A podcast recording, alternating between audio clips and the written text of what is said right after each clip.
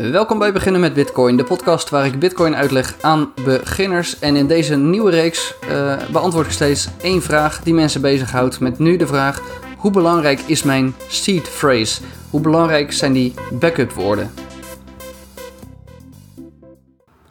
Nou, er is voor Bitcoin ongeveer niks belangrijker dan die seed phrase. Dat zijn dus die woorden die je kreeg toen je je wallet opzette. Dat zijn jouw private keys, dat zijn jouw geheimen. En het, ja, het maakt niet uit of je een mobiele wallet hebt, of een hardware wallet, of een wallet op je computer hebt opgezet zonder hardware wallet. Met die woorden kan je alles. Iemand die die woorden heeft, die kan ze invoeren in zijn eigen software en die kan jouw bitcoin uitgeven. Jij wil die seed, die wil je dus goed bewaren en niet kwijtraken. Ik kan het niet vaak genoeg zeggen, die, die woorden die zijn de sleutel naar jouw bitcoin.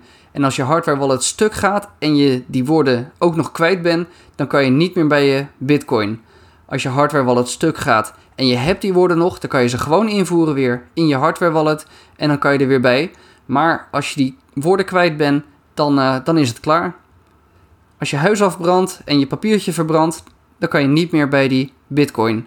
Als iemand jouw seed vindt of stilt, dan kunnen ze bij je Bitcoin bewaar deze seed dus heel erg goed.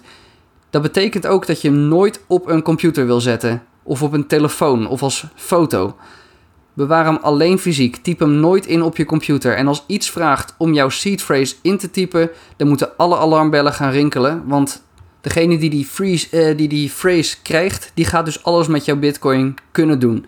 Als jij een hardware wallet gebruikt, dan heb je die nooit, dan hoef je die, uh, die key hoef je nooit in te typen in je computer alleen maar naar jouw hardware wallet.